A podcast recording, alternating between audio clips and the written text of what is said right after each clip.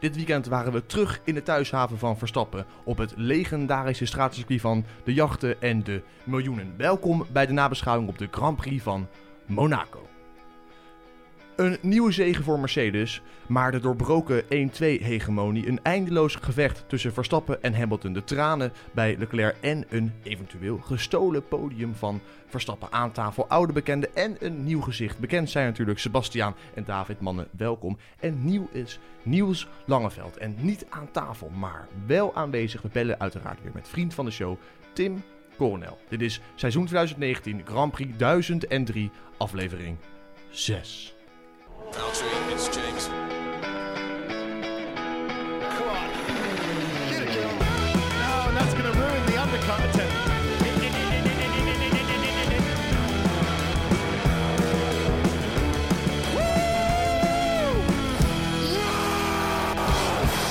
Undercut.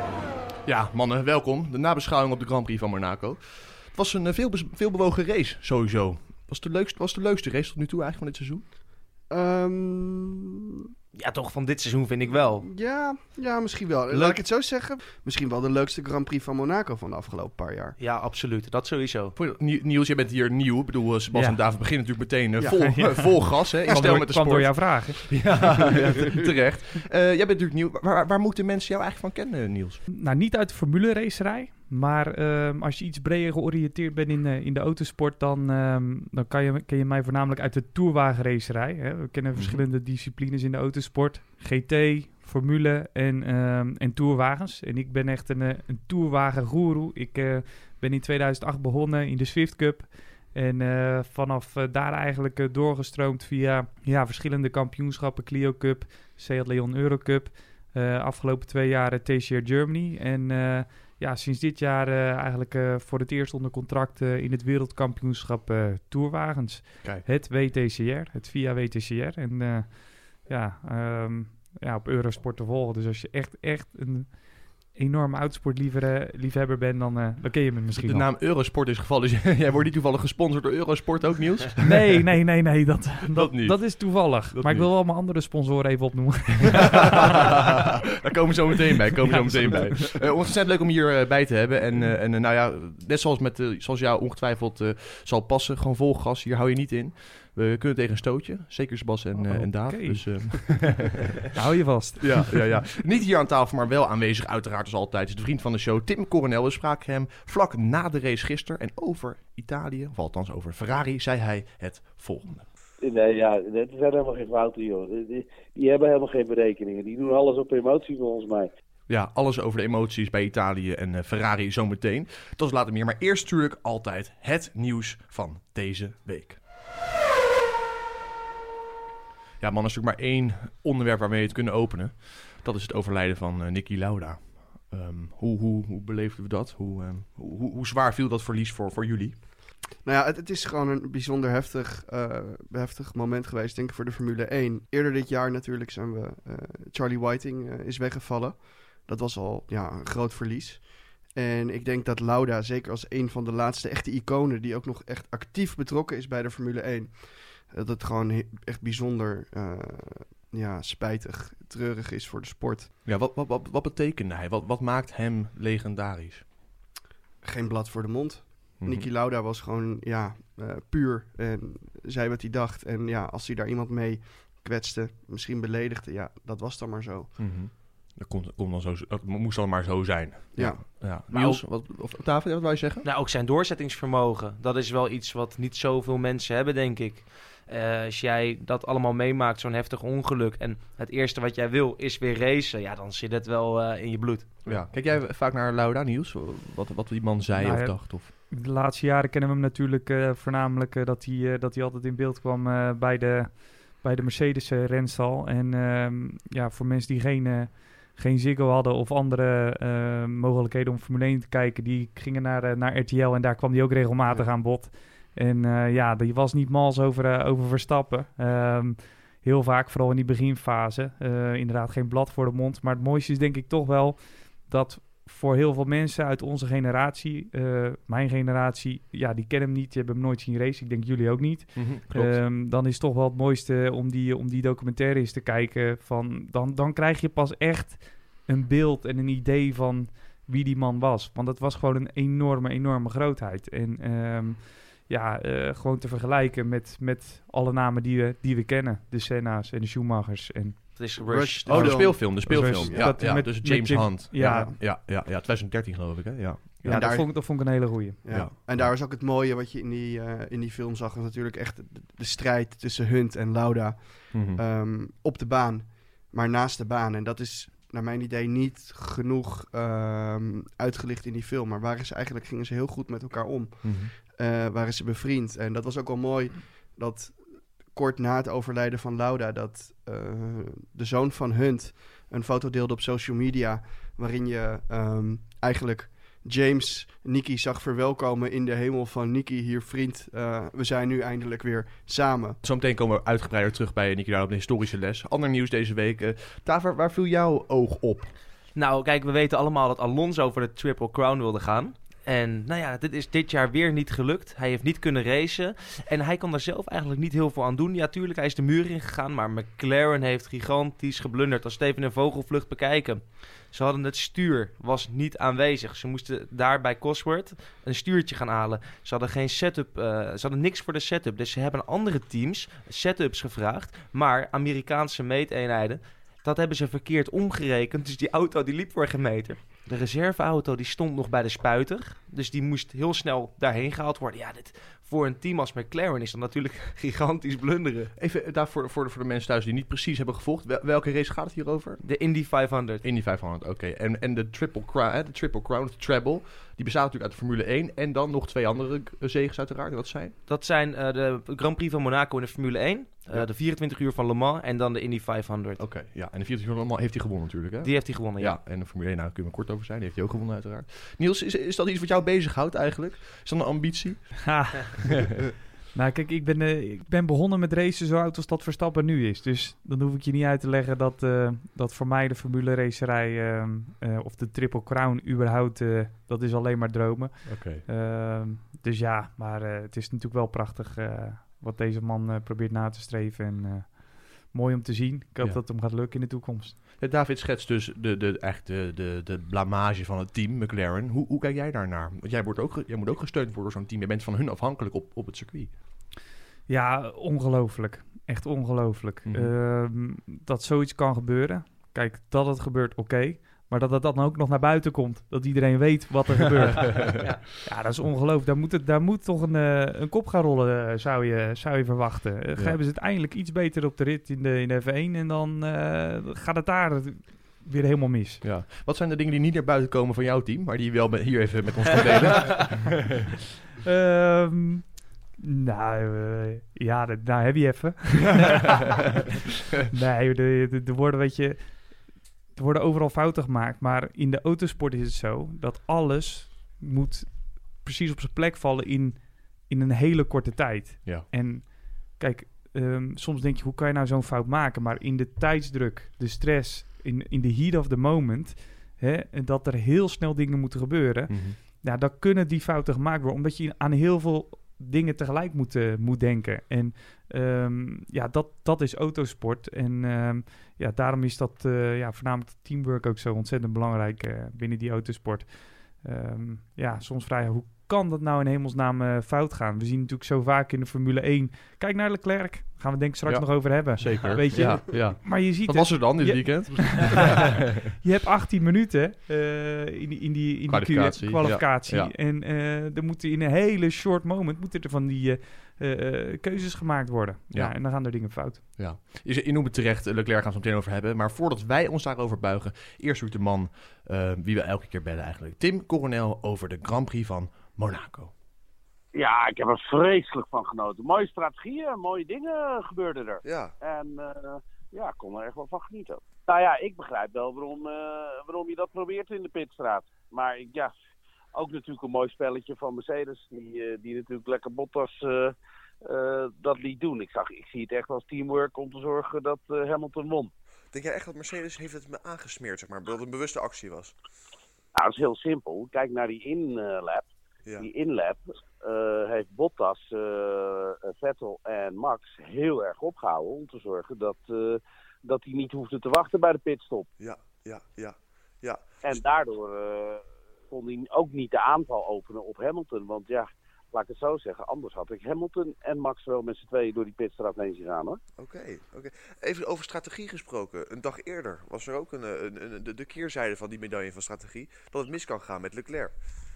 Normaal gesproken heb je natuurlijk altijd eh, dat iedereen wel op opletten zit. Maar op een, een of andere manier was iedereen een beetje van de leg en een beetje op Vettel aan het letten. Ja. En, eh, en helemaal niet op Leclerc. Maar, ik moet ook eerlijk zeggen, Leclerc had daar ook gewoon nog lekker even een autootje mee kunnen doen. Hè? Ja. Ik bedoel, eh, ja, zeventiende zat je erachter. Ja, ja dan, dan weet je dat je eh, tegen die barrière aan kan hangen. Mhm. Nou, dat bleek ook. Ja, het is, het, is, het is een beetje een never-ending story lijkt het wel met Ferrari, eh, Tim. In de zin van fout op fout, weet je wel? Nee, ja, het zijn helemaal geen fouten, joh. Die, die hebben helemaal geen berekeningen. Die doen alles op emotie, volgens mij. Ja, zoals het in Italië ook werkt. Ja. Ja, dat gaat, dat gaat niet echt goed dan, die Italiaanse emoties. zij, zij zitten gewoon met een fundamenteel ehm, dingetje dat ik denk dat er te veel gepraat wordt en niet echt qua beslissingen één iemand daar echt boven staat. De hiërarchie daar die klopt gewoon denk ik niet. Zoals eh, eh, als je naar Mercedes kijkt, eh, dan heb je gewoon een keihard Wolf die bovenaan staat en met de jongens communiceert. Ja. Of in ieder geval met de engineers communiceert. Mm. Zo heb je datzelfde natuurlijk bij, bij Red Bull. Ja, Maar ik, ik- op een, een of andere manier, ik weet niet hoe dat bij Ferrari in elkaar zit. Niemand niet. Dus volgens mij die rijders is het ook niet duidelijk. Is Binotto dan de, eigenlijk de man op de verkeerde plek? Nou, nee, nee, nee, nee. Ik denk dat we hem nog wel even een paar kansen moeten geven. Want hij is natuurlijk nog niet zo lang. Ja. Eh, zolang ze maar van fouten leren. Dat is natuurlijk waar het om draait. Dan heb je het idee dat ze dat doen. Dat, dat er progressie wordt geboekt, wel. Ja, tuurlijk, tuurlijk, tuurlijk, tuurlijk, tuurlijk. Ja. Alleen ja, eh, je, je vecht niet tegen de minste. Hè. Het zijn wel de twee teams die natuurlijk ook nog, ook, ook, ook ja, qua basis betere ingrediënten op het ogenblik hebben. Ja, Dus ja, ja. Maar het is, het is, hij heeft wel, door, door zichzelf eruit te, te, kegelen, heeft hij in zekere zin ons een mooie race bezorgd, Tim. Dat is ook zo, toch? het is een jong hondje die nog, die nog veel moet leren. En Ja. en, ja al, kijk, aan de andere kant is hij dat ook verplicht aan zichzelf. Ja. Ik bedoel, als je niet laat zien dat je er niet voor gaat, dan ben je ook geen coureur die daar in die auto thuis hoort. En eh, ja, hij ging er gewoon vol voor. Precies. En aan de andere kant, ik, ik hoop dat ze zo blijven. Hè. Max is natuurlijk ook wel iets rustiger geworden, iets berekener. Ja. Maar Ja. ook nog lekker ook nog een beetje gehaaid hondje. Ja, dat is toch wat de mensen een beetje willen zien, hè. Precies, ja. Eh, ik ja. bedoel, we, we kennen allemaal Prost, maar dat was niet de super verliefde. Eh, Ja. het, eigenlijk, eigenlijk de hondjes die in ieder geval zorgen voor wat spektakel. Mhm. Ja, die, dat zijn toch de liefhebbers en de killers die uiteindelijk eh, toch een echt kampioenschap naar zich toe kunnen trekken. Precies. Op ja. eigen kracht. Als je, als je het geheel overziet dan, Tim, wat zijn, wat zijn de conclusies van dit raceweekend? Waar, waar, waar, wat nemen we mee op weg naar Canada? Eh, wat ik meeneem is dat Monaco in, eh, eh, in de kalender van de Formule 1 moet blijven. Omdat het een race is, de race is die totaal anders is. Ja, ja, waarbij je strategie natuurlijk heel erg op de kwalie gericht moet zijn. Ja. Ehm, als we naar Canada moeten kijken, gaat het daar gewoon om PK's. oké. Ehm, Mercedes dus weer. Daarentegen, eh, ja, Mercedes dus weer. Ja. Ik denk dat Ferrari natuurlijk met stopsnelheid ook wel goede kansen natuurlijk daar weer creëert. Ja, Maar wat mij ook wel opviel is dat er gewoon eh, vier Honda's eh, in de top 10 zaten. ja dus die, doen, die doen het helemaal niet slecht. Nee, die zijn stiekem zijn die hun dingetje heel goed aan het doen. Ja, ja. En Mode 7 hè, kon Verstappen aanzetten voor de laatste rondes. Dus kan dat, Ja. kan, dat daar dan nog... Dat betekent dat dus de motor sowieso betrouwbaar is. En dat ze een soort van alternatieve party mode hebben gevonden.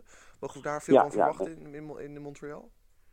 Nou, denk ik niet, want eh, ik, ik zie wel dat Mercedes in dat traject gewoon nog in zijn gewone modus reed. Die vond het allemaal wel goed. En hij kon hem er niet naast zetten. Snap je? Alleen nee. maar door het remmen kon hij het eigenlijk. Ja, maar lag het aan, lag het aan, aan, aan Mode 7 en, en het, het surplus bij Mercedes? Of lag het aan, aan ook dat het Monaco was? Denk jij? Want ik hoop er wel Een dichterbij. combi. Nee, nee, nee, absoluut dichterbij, maar een combi. Kom je, oké, oké, oké. Dus, Ja. dus als je dan, als je dan even hè, verre stip op de horizon en 1, 2, 3. Je zegt Ferrari is snel, want die heeft natuurlijk een, een hoge topsnelheid. Mercedes uiteraard. Wat, wat, zou dan, wat zou dan een mogelijk podium kunnen zijn daar? Eén eh, Bottas, twee Leclerc, drie Max. Zo. En één Bottas. Wat gebeurt er met Hamilton? Ja, ik denk dat hij eh, een foutje gaat eh, maken. Aha. Met Vettel of zo in zijn nek. die er samen afgaan Ja. of zo. Ja, ja, ja, ja. ja. Kijk, kijk, nou als jij, als jij het goed hebt, gaan we nou met de hele Ja, redactie dan ga naar je gelijk casino. naar het casino, dus dan kan je alles op rood zetten. ja. Heel veel dank voor nu en graag tot, tot ziens en spreken. Later. Oké, Tim. Ciao, ciao. Doei, doei. Ja, jongens, Tim Coronel, nooit verlegen om een, eh, om een goede analyse te doen. Hij zegt ook iets opmerkelijks in het interview. Namelijk, zijn stelling is dat Mercedes dus heel bewust die pitstop zo getimed heeft met Bottas. Dat Max in een soort van hè, nare positie werd gemanoeuvreerd. Zodat hij wel tegen Bottas aan moest rijden. Dat er in elk geval iets zou gebeuren in die pitstraat. Zodat hij daarna een aanval op Hamilton niet meer kon plaatsen. Hoe kijken wij daar eh, tegenaan? Ehm, nou, daar ben ik het totaal niet mee eens. Dan moet je op de tiende nauwkeurig gaan plannen in een pitstop. Ja. En we zijn allemaal bezig om die laatste, nou het gaat over honderdste, om Mhm. zo snel mogelijk een pitstop te doen. En ehm, soms hebben ze een stop van, eh, van, van 2.2 en de andere keer hebben ze een stop van 2.9. Dus dat zou betekenen dat ze op de tiende nauwkeurig iets moeten gaan plannen. Nee, ik denk dat het absoluut niet, eh, niet, eh, niet, eh, niet de case was. Ehm het was haast onmogelijk. Ehm, dat er natuurlijk wat ging gebeuren, dat die kans aanwezig was, dat was wel, eh, dat, kon, dat, dat, ja, dat kon natuurlijk wel op zo'n safety car moment. Ja, ja. Dat kon je wel verwachten. Hij zegt ook bij Italië, het gaat vooral op, op emotie daar nu. maar geeft Bi- Binotto wel meer tijd. Ben je het daarmee eens eigenlijk? Ehm, ja, lastige, lastige stelling. Ik weet, ik, ik, kijk, ik, ken, ik kan niet echt in dat team kijken op het moment. Mhm. Wat we wel zien is gewoon een enorme fuck-up met Ja. Leclerc. En daar Ja. kan die Leclerc, ja, die maakt een foutje in zijn in zijn in zijn lap daarvoor, in die, in die hot lap. Hè, dus die moest hem afbreken. Ehm, zat nog niet helemaal op de pace, nog niet helemaal in het ritme. Ehm, ook voor Q2 vind ik, als je toch al niet echt een lekkere tijd geeft, geeft die jongen nog even een extra rondje. Ja. Niet alleen om een goede tijd neer te zetten, maar ook om dat ritme en dat vertrouwen te geven. En misschien hebben ze wel gedacht na VT3, ach, dat zit helemaal goed met die Leclerc. En, eh, want ja, dan was hij de snelste natuurlijk. Dus ja, ja ongelooflijk. Dus dat het nog niet helemaal goed zit bij Ferrari, dat is daarvoor wel een teken. Ja, ja. We gaan, zoals je al hoort, we gaan naar de nabeschouwing van de Grand Prix van Monaco.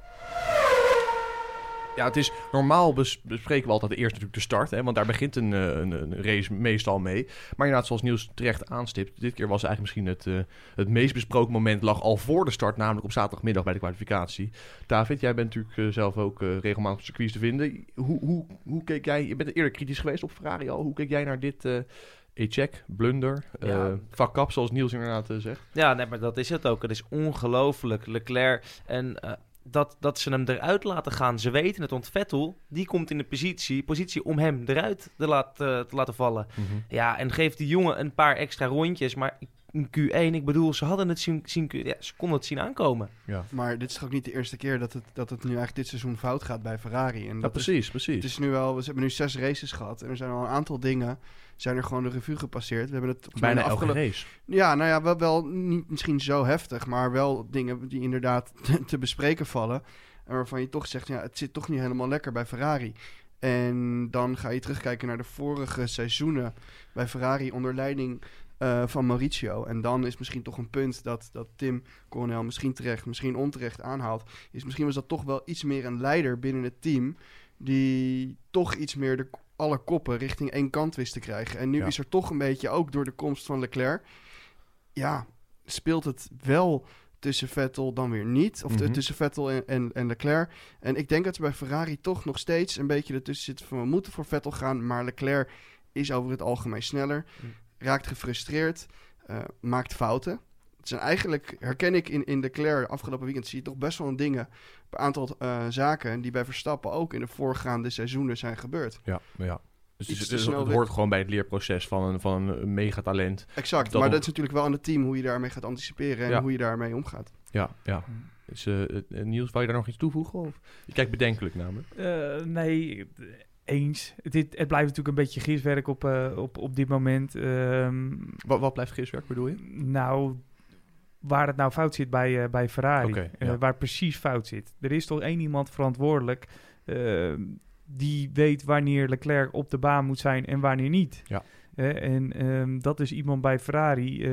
ik weet niet precies wie dat is, maar ja, die, ja, dat mag gewoon niet nog een keer gebeuren. Ja. En het was wel zo trouwens nog even aanhaken op jou. Dat die baan die veranderde heel snel. Hè, want in één keer werd er vijftiende harder gereden Ik geloof dat het eh, door, eh, door, door Bottas was. Verstappen ging nog een keertje eh, heel erg goed toen. Mhm. Die schoof naar voren. Dus in één keer die baan werd hij met stappen van drie, vier tiende sneller. En daar hebben ze denk ik gewoon een inschattingsfout gemaakt. Ja, Nou, en ja. dan weet je nu met deze competitie dat, dat in Q1 zit alles veel dichter bij elkaar. Dat je er zomaar uit kan, kan liggen. Ja, Ja. dat over de kwalificatie dus. Een, een dag later heb je dan inderdaad de race. En dan komen we wel bij het eh, geëikte punt, de start. Eh, David, de startman. Wa- wa- wat was eh, voor jou eh, in het oog springend bij de start? Nou, weer even de oranje bril op, want dan kijk ik natuurlijk goed naar Max. Nou, we hebben bij Max nog niet echt een superstart gezien dit seizoen.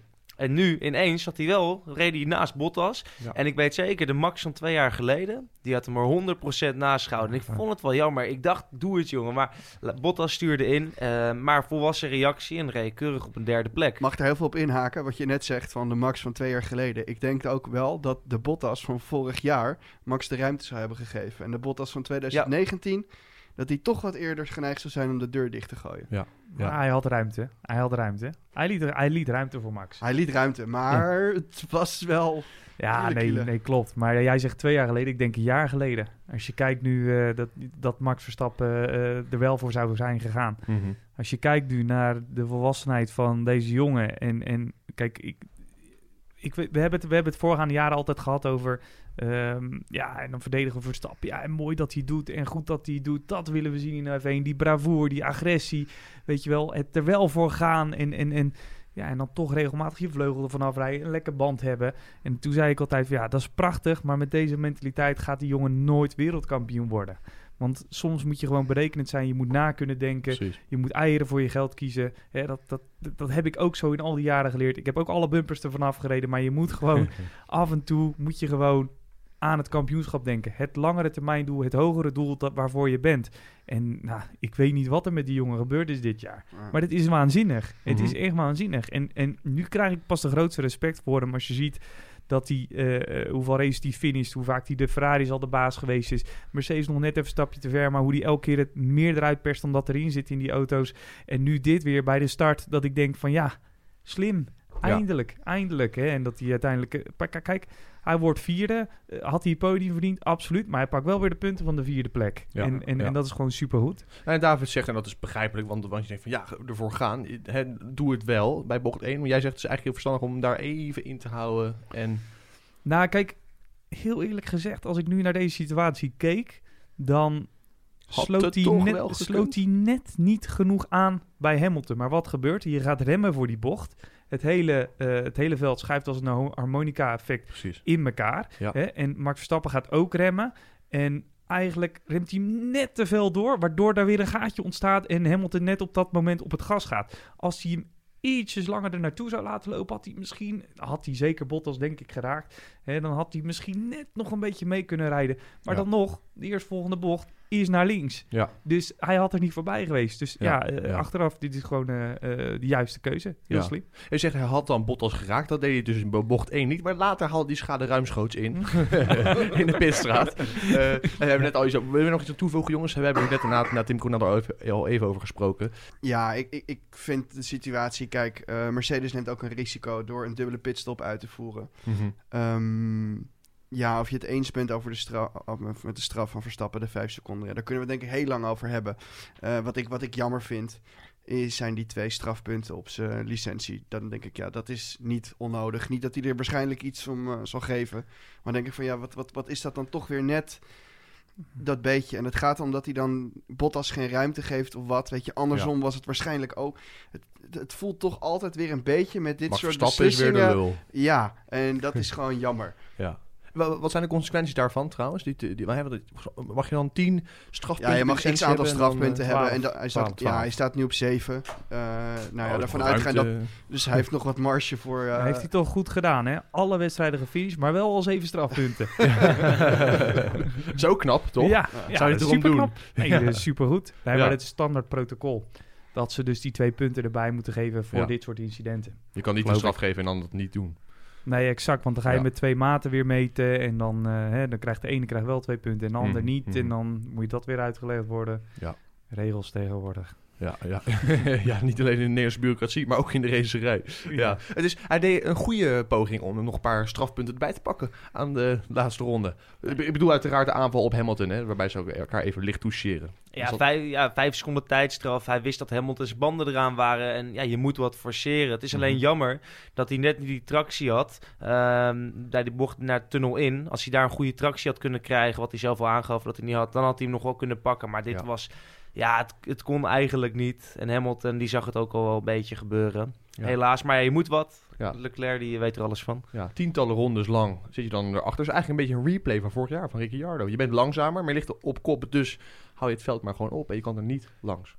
Ik denk, kijk, als, het een, eh, als Max een gelijkwaardige motor had gehad, dan had het nog wel wat kunnen worden. Want Hamilton die was echt heel erg langzaam daarvoor. Maar Mercedes Power tegen Honda Power. Honda supergoed, maar dat is nog eventjes eh, niet te doen. Ja, ja. Je noemde al even Leclerc eh, de inhaalmanoeuvre. Je moet iets forceren. Eerste keer dacht ik persoonlijk van zo de ballen waanzinnig. Stond, stond net niet op de bank, maar scheelde niet heel veel. Mijn buren hebben het zeker wel gehoord. Eh, tweede, de, of de ronde direct daarna probeert hij diezelfde manoeuvre op Hulkenberg te plaatsen. En dat gaat dan mis. Is dat, is dat, was het überhaupt mogelijk? Of was dat de jonge hond onvolwassenheid la Verstappen? En eh, ja, eigenlijk gewoon een beetje kansloos. Nou, wat, wat, wat heel mooi is in deze, is dat Verstappen, weet ik ook nog een paar jaar geleden. Toen vloog hij volgens mij bij Grosjean in de eerste bocht eh, achterop. Kijk, Ja. je, hebt een, eh, je doet een inhaalactie, hij lukt, je denkt, poh, mooi, dat is voor mij. En de eerstvolgende, nou, denk je, dan moet ik hem weer daar pakken, want daar lukte die net ook. Eh, en ehm, ja, dan krijg je in één keer vertrouwen van, nou, ik, ik kan overal, ik kan iedereen inhalen. Maar elke keer als je wat verder naar voren komt, gaat iedereen ook harder rijden. Ja. Dus ehm, nee, eh, het, het verschil was, is dat hij nu ehm, bij, die, bij die tweede inhaalactie dus, dat hij, dat hij de vangrail raakte, is dat hij er net niet ver genoeg naast zat om eh, zeg maar een beetje, eh Hulkenberg was geloof ik, naar buiten Ja, te duwen. Ehm, dus ja, hij moest de bocht krapper nemen, anders zou hij zijn vleugel eventueel stuk rijden. En eh, ja, die achterkant die is toch nog wel vrij breed. Dus hij vergat even dat hij eh, iets te vroeg instuurde en dat zijn achterwiel bleef hangen achter Ja. de... Dus het kwam niet door Hulkenberg dat hij spinde, maar puur doordat hij met zijn rechtsachterkant de, vangrail raakte Ja. daar. En ja, net ja, een half metertje. Nou, daar, daar hebben we het dus over eh, Ja. in de Formule 1 of een actie wel of niet kan slagen in Monaco. Dan blijkt de muur van Monaco toch best hard, hè? Ja, die, eh, die blijft zeker uit. Geeft weinig Die mee. is onvergeeflijk. Ja, Ja. Nou goed, Ja. gelukkig wist hij daarna zijn auto flink te verbouwen. ja Toch? Een Door, zegen eh, voor de race. Ja. Toch? het was, ehm, het rubber. Ja. Ja, Het was Giovinazzi die dacht, dat kan ik ook wel even. Daar, manoeuvre plaatsen. Nou ja, dat is eigenlijk een mooie herhaling van wat we daarvoor al in de Formule 2 race zagen natuurlijk. De, de opstopping daar tussen Calderon, eh Schumacher geloof ik. Ja.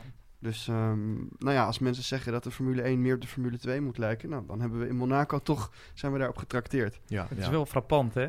Dat nu in één keer dat we daar de inhaalacties zien. Ja. Ik bedoel, daar, hebben we, daar heb ik jaren geen inhaalactie gezien in die bocht. En in één keer zien we het in de Formule 2 en de Formule 1. Ja.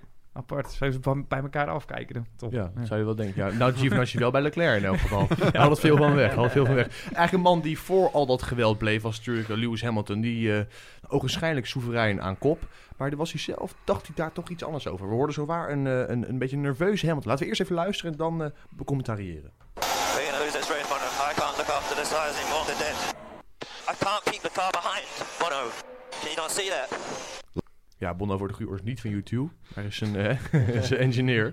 Ehm, ja, Daaf, jij, jij veert op. Ja, ik snap de frustratie van Hamilton wel. Ja. Want ze hebben hem gewoon de verkeerde banden gegeven. Alleen op zo'n moment kun je niks meer doen. Ja, ze kunnen hem naar binnen halen, maar dan is de race ook verloren. Ja. Dus ja, ik vind persoonlijk, ja, je kan het allemaal wel zeggen. Als je het één keer zegt, is het prima. Maar dat helpt niet eh, om, om beter te gaan rijden.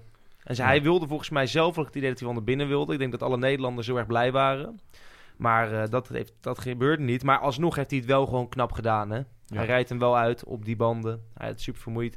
Ja, het is bijna een spel, heb ik dan het idee. Hè? voor de- hij dat, voor de dat hij- dat hij dit dan zegt, Ja. hè, om de, de, de overwinning eigenlijk nog mooier en knapper te maken dan dat, dan dat hij was. Hè? Van, Mhm. van, ik- hè, dat ik eigenlijk een beetje de, de, de boel opnaaien in de race van oh, ik heb het zo zwaar, ik heb het zo zwaar. Dat het des te knapper is dat hij hem En. Red Bull Nou ja. opfokken natuurlijk ook. Ja. Want Red Bull denkt van we moeten het proberen, we moeten het proberen. En zoals Dus- Olaf Mol zei, ze hebben zich gecommitteerd aan een documentaire op Netflix dit jaar. Ze hebben natuurlijk de aflevering gekeken van Ricciardo vorig jaar, die het uh, na, ter nauw Ja. haalde. Dus hij dacht misschien, ik help Netflix een handje. ja. Hamilton. Ja, de, de, de, de ster, die, hij was natuurlijk kan, hè? Ook. ja, exact. Het met exact. Maar het is allemaal een beetje... ehm, ja, een beetje over de top. natuurlijk wel eh, zo'n reactie, want hij weet zelf toch ook donders goed hoe en wat. Waarom? Hij weet natuurlijk, heel de wereld luistert mee. Hè? iedereen weet en hoort wat hij dan roept. Ja. En eh, ik, ik kan het natuurlijk niet hard maken, maar dat gevoel krijg je dan een klein beetje bij. Maar jij, jij bent coureur, jij communiceert met je team tijdens een race. Ja. Is, er af en toe een reden, los van de bühne, maar naar je team toe een bepaald signaal af te geven van hé, hey, Ja. hier ben ik het niet mee eens en ik wil de volgende keer Ja, meer of gewicht hebben aan tafel Of, bijvoorbeeld. of codetaal. ja? Ja, ja, dat hebben wij niet. Ik moet. Engels praten, vind ik al lastig genoeg. nee, ehm, nee, wat wij inderdaad hebben, dat is wel mooi. Want ehm, ik, ik heb een beetje problemen met mijn auto eh, in linkerbochten. Ehm, dat ben ik niet zelf. Maar ik heb het gevoel dat er iets in de auto zit. En we krijgen dat maar niet weg. Ik ben in de linkerbochten structureel altijd langzamer dan de andere Audi-rijders. Wat we kunnen zien in de data.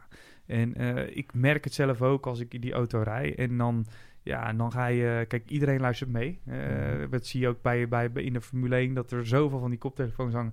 Dat hebben wij ook. Dus Audi eh, luistert mee. Het team luistert mee. Mijn engineer luistert mee. Hè, dus dan probeer ik al via de boordradio te zeggen... Ach, mijn linkerbochten die gaan niet. En eh, ja, ik Ja. heb alles... Ik ben sneller dan de rest. Behalve die linkerbochten lopen ze iets weg. Dus in dat kader probeer je soms wel eens signaal af te geven. Of je, ja, ik heb, als, je, als, als het niet goed gaat, dat je enorme onderstuur hebt. Ehm, eigenlijk eh, dat je een soort signaal afgeeft, om hier maar toch zo eerlijk te zijn, dat het niet aan mij ligt, maar dat de auto niet snel is. en helpt dat dan. Nieuws? Helpt dat? Nou, ik weet niet of dat helpt. Eh, mijn engineer zegt altijd maar, je moet het gewoon zo lang mogelijk blijven roepen. En ehm, blijven volhouden en je er niet bij neerleggen. En dat totdat ze er wat aan, eh, ja, dat de signalen zo duidelijk zijn dat ze er misschien wat aan gaan doen of het beter gaan onderzoeken. Red Bull had een soortgelijke tactiek met Renault, maar dus dat werkt niet helemaal, geloof ik, hè? Vorig jaar. Nee, nee.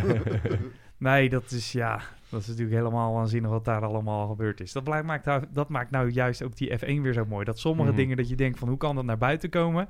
Hè? En, en, en wij weten nog, wij horen nog niet eens, ik denk nog niet eens 5% van wat zich er achter die pitboxen of in die pitboxen zich afspeelt. Ja, Wij weten nog ja. niet eens, kun je nagaan wat er naar buiten komt en wat er nog allemaal meer speelt daar bij die teams. Ja, dat ja, is echt waanzinnig. Het is nu al eigenlijk eh, ons verheugen op documentaire over 10, 15 jaar die daarover uitkomt. Ja, Ja, exact. ja, exact. Ja. Ze zijn natuurlijk overgestapt op de Honda-motoren. Dat gel- geldt voor zowel voor Red Bull als voor Toro Rosso, eh, de Honda aangedreven. En zoals Tim ook terecht aanstipte, dat eh wierp zijn vruchten wel af dit weekend. Vier man in de top 10. Toro Rosso maakte wel indruk, jongens, dit weekend. Even als je kijkt naar de, rest of the, de best of the rest. Ja, sowieso goed voor Honda, maar ook beide coureurs, eh Kvyat en Albon. Duim omhoog voor die, eh, voor die jongens. Echt heel erg knap gedaan. Ja, ja. Is, het- ja, Sebas? Ja, ik wilde even aanhaken. Ik ben heb weer even eh, een lijstje gevonden in de krochten van het internet. lijstjes, man. Een, een lijstje.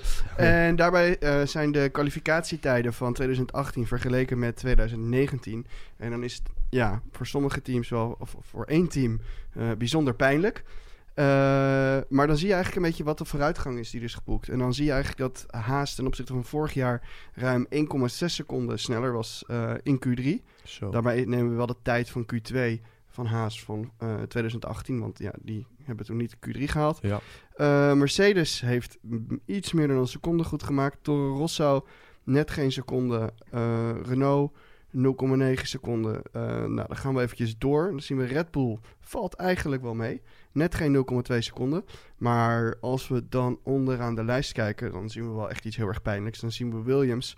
En die zijn bijna een seconde langzamer in dit jaar. Zo de ballen. Zouden ze gewoon een auto van, terug, voor- van vorig jaar terug mogen halen? Even andere vleugel erop, zodat je aan de eisen voldoet. En dan zeggen, nou, deze was toch wel iets beter. zou, dat, zou dat kunnen? Of? Ja, bizar hè?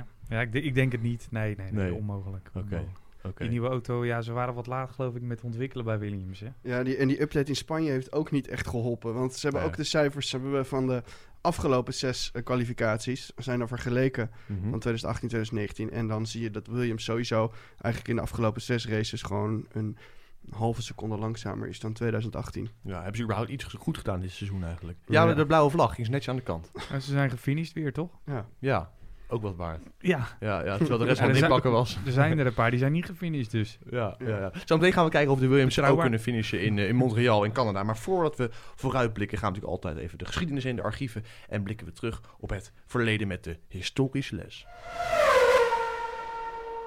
Ja, we hadden het er eerder al even over. Vorige week overleed Formule 1-legende Nicky Lauda. En we duiken dan dus ook in de archieven van zijn verleden. Lauda groeide op in de jaren 50 in Wenen als kind van een rijke ondernemersfamilie. Zaken doen werd hem met de paplepel ingegoten, maar de veilige wereld van het welgestelde milieu was niets voor Lauda. Hij wilde racen, hij wilde het gevaar. Maar Lauda moest het alleen doen, zijn vader zag er niets in. Hij wilde dat zo'n lief de economiepagina's van de kranten zou vullen en niets met sport van doen zou hebben. Lauda had echter een vlotte babbel, en dankzij levensverzekeringen en een rappe tong praatte hij zich een weg naar binnen bij de raceteams. In 1974 komt Lauda bij Ferrari. In zijn eerste seizoen boekt hij twee zegens voor het Italiaanse team. Dat is nog bescheiden, maar een jaar later, in 1975, wordt hij meteen wereldkampioen. En twee jaar daarna, 1975, pakt hij wederom de wereldtitel. Een tweevoudige wereldtitel dus. Maar Lauda stopt met racen. Hij vond het rondjesrijden wel genoeg, zo zei hij zelf, maar niet voor lang. Lauda keert terug in de jaren 80 en grijpt dan zijn derde wereldtitel. Om precies te zijn in 1984. Drie wereldtitels dus. Maar zijn grootste wapenfeit was eigenlijk het overleven van de horrorcrash op de Nürburgring. Dat was in 1976 de Duitse Grand Prix. Lauda kampt met materiaalproblemen, schiet de linkerbocht voor de bergwerk uit en knalt van circuit in de muur. En Lauda zit vast terwijl de auto in de fik vliegt. Een minuut lang is Lauda gevangene van zijn eigen racemonster. Vlammen vreten zijn gezicht aan tot collega-coureurs hem uit de auto sleuren. In het ziekenhuis blijkt dat Lauda zijn longen verbrand heeft. Zijn bloed was vergiftigd. Hij verloor een half oor en door de giftige dampen in te ademen raakte hij ook nog eens een keer in coma. Nou, de artsen zeiden van dit is een eh, vrij blama een grote blamage. Ik kan misschien nooit meer racen. Maar zes weken later stapt Lauda alweer in zijn Ferrari opnieuw om te racen. En om zijn littekens te verbergen is hij daarna altijd een rood petje gaan dragen. Overigens, interessant om op te merken, Lauda liet zich daar dan wel weer flink voor sponsoren. Dat was dan weer de ondernemersfamilie van de, van de ondernemerskant van de familie. Dat hij vroeg daar wel g- grof geld voor. Enfin, Lauda dus terug op het wereldtoneel van de koningsklasse en strijdt met zijn aartsrival James Hunt. En daar kun je dus, zoals eerder gememoreerd werd, de film Rush van kijken. 24 oktober 1976 dan. Laura heeft, Lauda heeft zijn wereldtitel opnieuw voor het grijpen. In Fuji, Japan, kan hij zich voor de tweede keer in twee jaar tot wereldkampioen kronen. Maar Lauda zet zijn auto langs de kant. Volgens hem was het door regen en mist te gevaarlijk om te rijden. Laura kende zijn limiet en koos voor het leven in plaats van de titel. Hij parkeerde zijn Ferrari in de garage en was al onderweg naar het vliegtuig toen zijn grootste rivaal, James Hunt dus, derde werd en daarmee met één punt verschil de wereldtitel pakte. Een man dus, Niki Lauda, die de dood ontsprong en zijn titeldrama zelf regisseerde. Uiteindelijk won Lauda drie wereldtitels, in 1975 dus, in 1976 en 1984. En hij schreef 25 Grand Prix zegens op zijn naam, waarvan de laatste op Zandvoort, 1985. In zijn latere leven werd Lauda gevierd adviseur bij Ferrari. Hij werd teambaas van Jaguar en sinds 2013 topman voor Mercedes. Hij was bijvoorbeeld de man die Lewis Hamilton bij de Duitse renstal haalde. Lauda is nu dus overleden, maar als u van de zomer op strand, terras of paviljoen een rood petje ziet, denk dan even aan die man wiens pet een handelsmerk werd, het petje van Lauda. De man die uit coma kwam, verbrand, vergiftigd en gehavend weer op de grid verscheen, die zijn gezicht voor de motorsport verloor, maar met zijn rode pet zijn sport toch een smoel schonk. Waar u deze zomer dus ook viert. In Zweden, in Frankrijk, andere regionen ver hier en daar vandaan. Vier de rode pet als een vlag, als zijn vlag. En proost er dan even op. Hef het glas op het leven van Lauda. Dat is weer een hele mooie, mooie ode en prachtige bijdrage, eh, Maurits. Het is ehm, dat gezegd hebbende, jongens. We gaan natuurlijk voorbeschouwen op eh, Montreal. Over twee weken zijn we in Canada. Maar voordat we een voorspelling uitbrengen, wat gebeurde er eigenlijk vorig jaar? Wat staat ons nog bij? Ja, toen werd eh, de race een, eh, een ronde te vroeg afgevlagd door dat model. Ik weet niet of jullie dat nog allemaal kunnen herinneren. Want voor de rest, ja, heb ik natuurlijk even gekeken naar het standaard eh, rijtje. De kwalificatie was eh, Vettel vertrok vanaf P1, Bottas vanaf P2 en Verstappen vanaf 3. En zo werd er ook gefinished. Oké, weinig enerverend. Ja, naar mijn idee was het een weinig enerverende race. Nou, Ja. Max zat nog vlak achter Bottas eh, de laatste twee rondes. En die werd toen een ronde te vroeg afgevlagd. Want anders had hij echt nog wel kans gehad om Bottas in te halen. Dat is mij eh, nog een beetje bijgebleven. Ja, daarover gesproken. Zien we daar kansen voor dit jaar? Ja, derde plek. Mercedes zal te sterk zijn. Rechte, eh, veel rechte stukken. Hm. Ehm, ja, misschien... Dat Ferrari heeft natuurlijk ook een sterke motor. Dus ik ben benieuwd hoe die zich eh, gaan herpakken. Ja, eind, Niels, denk jij dat Ferrari zich eindelijk gaat herpakken in Canada? Nee. Oh, Nee. dat is duidelijk. Dat denk ik niet. Nee, oké. Nee, je moet een beetje... ik- Montreal is... eh, ik weet wel dat de oude in het verleden wel fantastische regenraces hebben gehad. Ja. Ja, Dat, Ja. moet, dat moet hem nou eens een keertje worden. Kunnen we een keer een spannende GP krijgen dat we weer... Kijk, het mooiste is een beetje regen, dan weer droog. Dan weer een beetje regen, Ja, dan weer ja, droog. ja. En op tot slot toch nog weer een beetje regen, zoiets. Ja, dat was Ja. Jensen Button toch in 2008 of zo? Dat die, die race die zes uur duurde of zo. Begon om vijf uur 's middags en duurde eindeloos. Twee keer rode vlag afgevlakt. Ja, was een, eh, Staat, Van laatste. staat me iets van bij. Niet heel Ja. veel meer. ja, Van ja. laatste naar eerste was dat volgens mij. Oh, precies, ja. Dat was bizar. Ja. maar misschien ja. wel de belangrijkste vraag. Wie gaat er dan in Canada in de Wall of Champions eh, knallen? Ja, Lance Stroll. Dat is niet zo moeilijk. Ja, Lance Stroll, tuurlijk. Kom op. daar kun je gif op innemen. Fiat misschien ook. Nou, die- maar die houdt zich toch eh, kranig dit seizoen, Ja, nee, toch? klopt. Daarom, daarom denk ik ook dat het nu eh, weer stijgt. het is de hoogste tijd voor Kwiat. Ja. Oké, nou ja, goed. De glazen bol dan. 1, 2, 3. Sebas, begin met jou. Oh jezus, moet dat er zo snel. Ehm, ik denk dat we toch Hamilton weer op één gaan zien. Ik denk Bottas 2 en inderdaad eh, vermogen Ferrari. Dus ik zeg Vettel 3. Vettel 3. Dus weer een 1, 2 voor Mercedes. Niels, wat zeg jij? Hamilton, Leclerc en Verstappen. Wat gebeurt er met Vettel? Ehm, die is niet snel genoeg. Oké. Leclerc is sneller. Dus Oké. En Verstappen dus ook. Ondanks het feit dat de Honda motor misschien iets minder eh, topvermogen heeft. ja, ja. Ik denk ook weer dat het zo'n race wordt dat je, weet je, die eerste vijf ronden, die, die zullen eh, een sleutel gaan spelen in het verdere verloop van, eh, van, van de race. Mhm. Dat als Verstappen bijvoorbeeld vierde of derde kwalificeert, dat hij net in die ronde gaat die DRS open, dat dan moet hij er nog dicht genoeg achter zitten Ja. en hem dan kunnen pakken. Want als je er eenmaal dan voorbij bent, dan wordt het eh, toch weer een beetje treintje rijden. Ja, in land, denk ik dan. Ja, als je buiten die secondenwindow komt, dan is het weer, dan is het weer gedaan. Dus sleutel in het begin en hopelijk in, de- in de slotfase van de wedstrijd. Oké. Daaf, tot slot. Eh, Hamilton, Bottas en Max. Helemaal de Bottas en Max. Kijk, dus wel, eh, we zijn optimistisch wat betreft Max. Kijk, dat is eh, een optimistische boodschap om, eh, om eh, op, mee vooruit te, te kijken. Nou zijn we- daarmee zijn we aan het einde gekomen van de, de zesde aflevering van Undercut 2019. Dank weer aan het vaste panel natuurlijk, Sebas en Daaf. En natuurlijk een speciaal woord van dank aan, aan Niels. Vond je het eigenlijk leuk, eh, Niels? Ja, ik Wou je, wou je, wou je je vond- sponsoren nog noemen? ja, ja, ja, ja. eh, kaas voor kerels, Eru Prestige. eh, dat is- nee. Kaas voor kerels, je het serieus? Ja, dat is van Eru Prestige. Hè? Daarom draag ik ook zijn gele helm. Ja, Oh joh, oké. Ja. lekker ingelicht, Maurits. Kaasgeel. Hey. ja, nou, je je, hebt je goed ingelezen. Ik heb je Wikipedia gelezen, maar ik begreep net voordat we de uitzending begonnen dat die helemaal verkeerd is. Om te beginnen met het jaargetal waar jij begon met racen. Ja, 2008. Nee, er staat inderdaad... eh, 2006. 2006 in de BRL, maar dat is volgens mij een andere Niels van, want ik heb daar nooit een meter in gereden. Ja, oké. Dus- Dus dat is eh, een interessante hobbyist die Ja. Wikipedia aangevulde, moet, eh, moet aan het werk. Laten we zeggen dat het voor Canada geregeld moet zijn. En met die boodschap ehm, Ja, ja, gaan, we, gaan we dan, nemen we na Canada de stand op.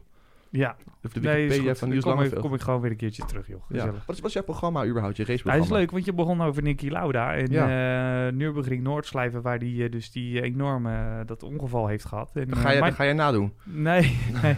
mijn eerste race is daar. Op Oh, de. Noordslijven, op de Green Hell. Nürburgring Oké. Noordslijven, WTCR. Daar worden dan de races, die worden zeg maar vanuit de lucht via de helikopter gevolgd. Want zoveel camera's hebben ze natuurlijk niet langs de baan. Oké. Dat is echt heel mooi.